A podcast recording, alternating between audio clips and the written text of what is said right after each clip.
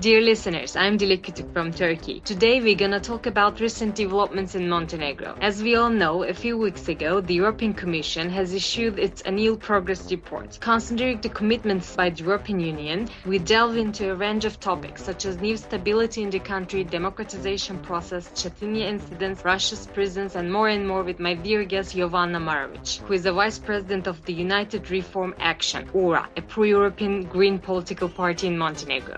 Dear Mrs. Jovana Marovic, it's my pleasure to welcome you today for my Balkan Pod. Thank you for accepting my invitation. Thank you for inviting me. So let me just start with this. You know, the previous government, the previous elite was in power for 20 years, which is very long time. And now Montenegro has a new government with three parties. Let me say this, a multi-party government on one side and a single party government on the other side. So if we compare these two terms, what can we say about Democratization process? It is really a unique situation in Montenegro that we managed to change the government after 30 years and that we remove the same party from the power after 30 years. It, it is challenging and would be challenging in any situation after, as I said, so many years of the of the ruling of the same party. And in that sense, it's really challenging for the new government to, to push up the reforms and to speed up the European integration process. The first thing is that the, the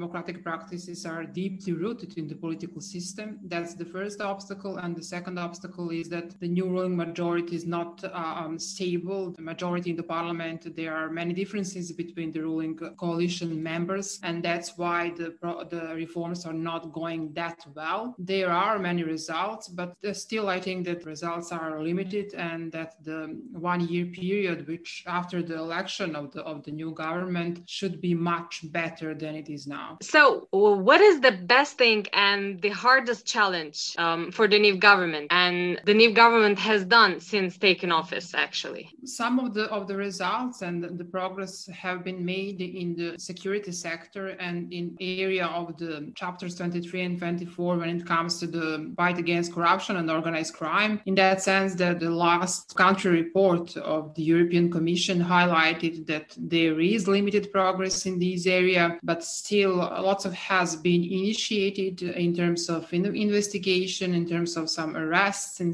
in terms of publication of some wrongdoings of the previous government. That the biggest obstacle in that direction, and when it comes to fulfillment of the benchmarks within the European integration process, when it comes to the rule of law, is that we still have the deeply politicized judiciary with huge influence uh, from the previous ruling party, and that we cannot talk about the fight against corruption if the institutions are still politicized. In that sense, the most important reform should and it is uh, should be and it is the, the reform of the judiciary and especially the prosecution. The second thing is, as I already mentioned, that we don't have stable coalition members or stable, stable ruling majority, and that the new ruling majority consists of the different political parties which don't share the same values and so same programs and same priorities because the ruling majority the parties in the, in the ruling majority are there from the far right parties to the moderate parties. And it's really hard to find like a, a common language in, in and the, the the one of the of the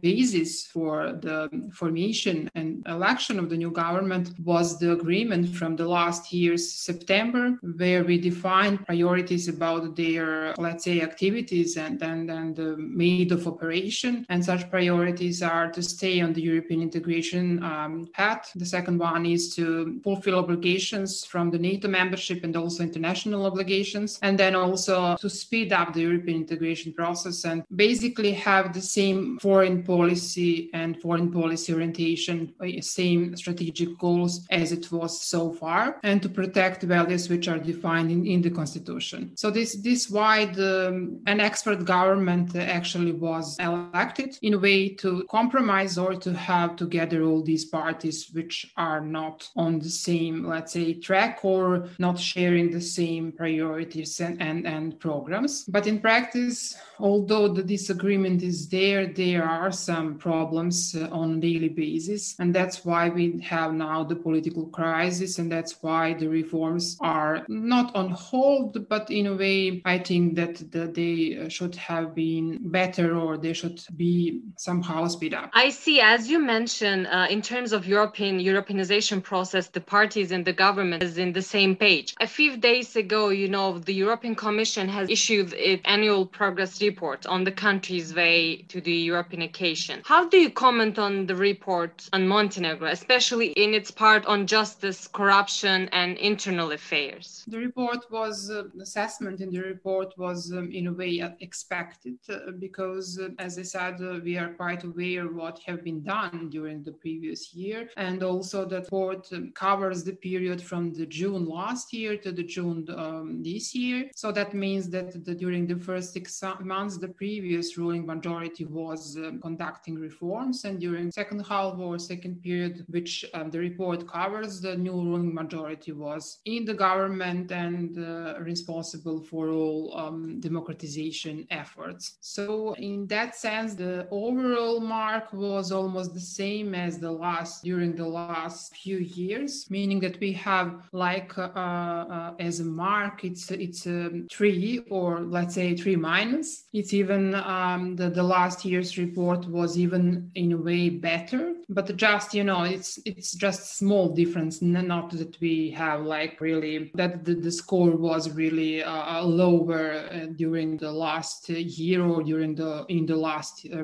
report. Overall progress is uh, limited because of all of these obstacles. Now we have political will in the government uh, to fight corruption and organized crime, but uh, still facing lots of obstacles. As I mentioned, the, the, the politicized judiciary, we are not able to push reforms because of that situation in the judiciary. Uh, such situation is highlighted in the report and the, the need for broader uh, agreement and consensus uh, within all political actors to find solutions for the reforms in the judiciary. And that's the only way how we can strengthen the rule of law and achieve, achieve a better level of democracy in the country. And it, this is kind of really hard to achieve, having in mind that we have deeply polarized society, that we have two extreme blocks, the one which is around the previous ruling party, Democratic Party of Socialists, and the second one which is around DF. So in a way, it, it is really hard to reach consensus on any issue, and especially when it comes to fight against corruption and organized crime. The main obstacles during the previous government uh, uh, not being able to achieve better results was that the previous ruling majority was the cause of all uh, problems and all the scandals, all corruption affairs in the country. They were not ready to, of course, to prosecute themselves, their own members. And when it comes to the ruling, a new ruling majority, it is the situation um, in the prosecution office, in the, the courts, and then the rest when it comes to prosecutorial council and everything. So the one of the of the of the reasons why we are not that much happy with the results and with the assessments in the new country report is uh, that we have to of course find common understanding between the coalition members when it comes to election of the prosecutorial council when it comes to all of these important reforms and the second thing is that it's really uh, not uh, easy task to fight corruption when the corruption was part of the system with the previous government, the, the DPS. These are uh, reasons why uh, results are limited, but still the, the fight against corruption and organized crime is really priority for, for the new ruling majority. We will see what will happen with the composition of the government and in which direction we are going uh, when it comes to the political dialogue and, and agreement between coalition coalition members? Um, I would like to attract attention to the cliche nationalism and religious issue in the Balkans. You know, maybe a few weeks ago, um, Montenegro has shown us a religious conflict can kick off again somewhere in the Balkans. As we all know, there was a violent protest in Cetinje. Actually, I would like to ask what was that and how do you evaluate the government performance to alleviate this protest? The protest in, in Cetinje, because because of this cold ceremony uh, organized by, by the Serbian Orthodox Church was against the, first of all, um, the ceremony as such. And the second thing is because of the solutions in the law on freedom of religion in the country. So Montenegrins, which are not believers of the Serbian Orthodox Church, believe that they are not well represented in, in that uh, law and that their rights are not protected in, in this new, let's say, context, uh, which is influenced by the, the law and by the atmosphere in the country. And in that sense, the government was um, putting in place to choose between two rights which are um, guaranteed by the constitution. The first one is freedom of assembly, and this was reflected in those protests because of the whole ceremony. And the second thing is that uh, the second right is right on freedom of religion. Just to, to, to explain that this whole ceremony regarding the metropolitan, uh, his election was always in Cetinje, and that's part of, of, the, of the tradition, let's say, or part of the procedure within the Serbian Orthodox Church. So, in that sense, uh, that there was also the influence from the previous ruling party to use the protests to gain some political uh, political points, uh, and that's why the tensions were really high, and that there was really fear of possible conflicts uh, conflicts in Cetinje between the police, between the people which were there on protests and between the believers of the Serbian Orthodox Church because there was a fear if the government stops the ceremony and the protests that the believers of the Serbian Orthodox Church uh, would also uh, protest there and be on the streets. So the government decided to go with the to protect both rights, the right on freedom of assembly and the second right, of course, on freedom of religion. And I think that everything went went well in terms that we avoided the,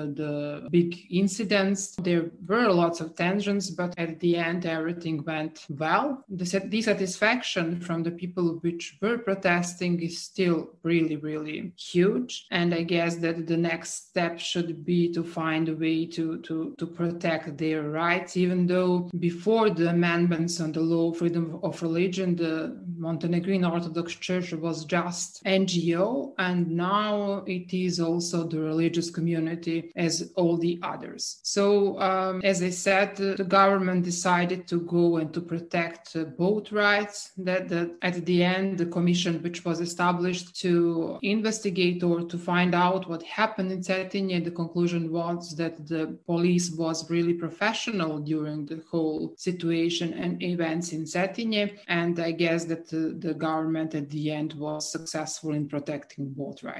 And you know, Russia is a very big player in Montenegro. And after a lot of events like Cetinje or, you know, coup operation, etc. And the, the people comment like Russia is trying to do something in Montenegro. Do you think that Montenegrin government is pro-Russian? I know that the Montenegrin deputy prime minister Dritan Abazovic is trying to dispel this common idea, but sometimes internal developments show the Russian influence in the country. What are your comments? on this? Government is clearly pro European because it is based on that agreement, which I already mentioned and which was signed in the last September. And as such, is perceived by the European Union uh, and the US. I guess there are fears that the, with the political government, such situation could change, but still, with an expert government, we are still on the European track. We are going with our foreign policy priorities and we are fulfilling our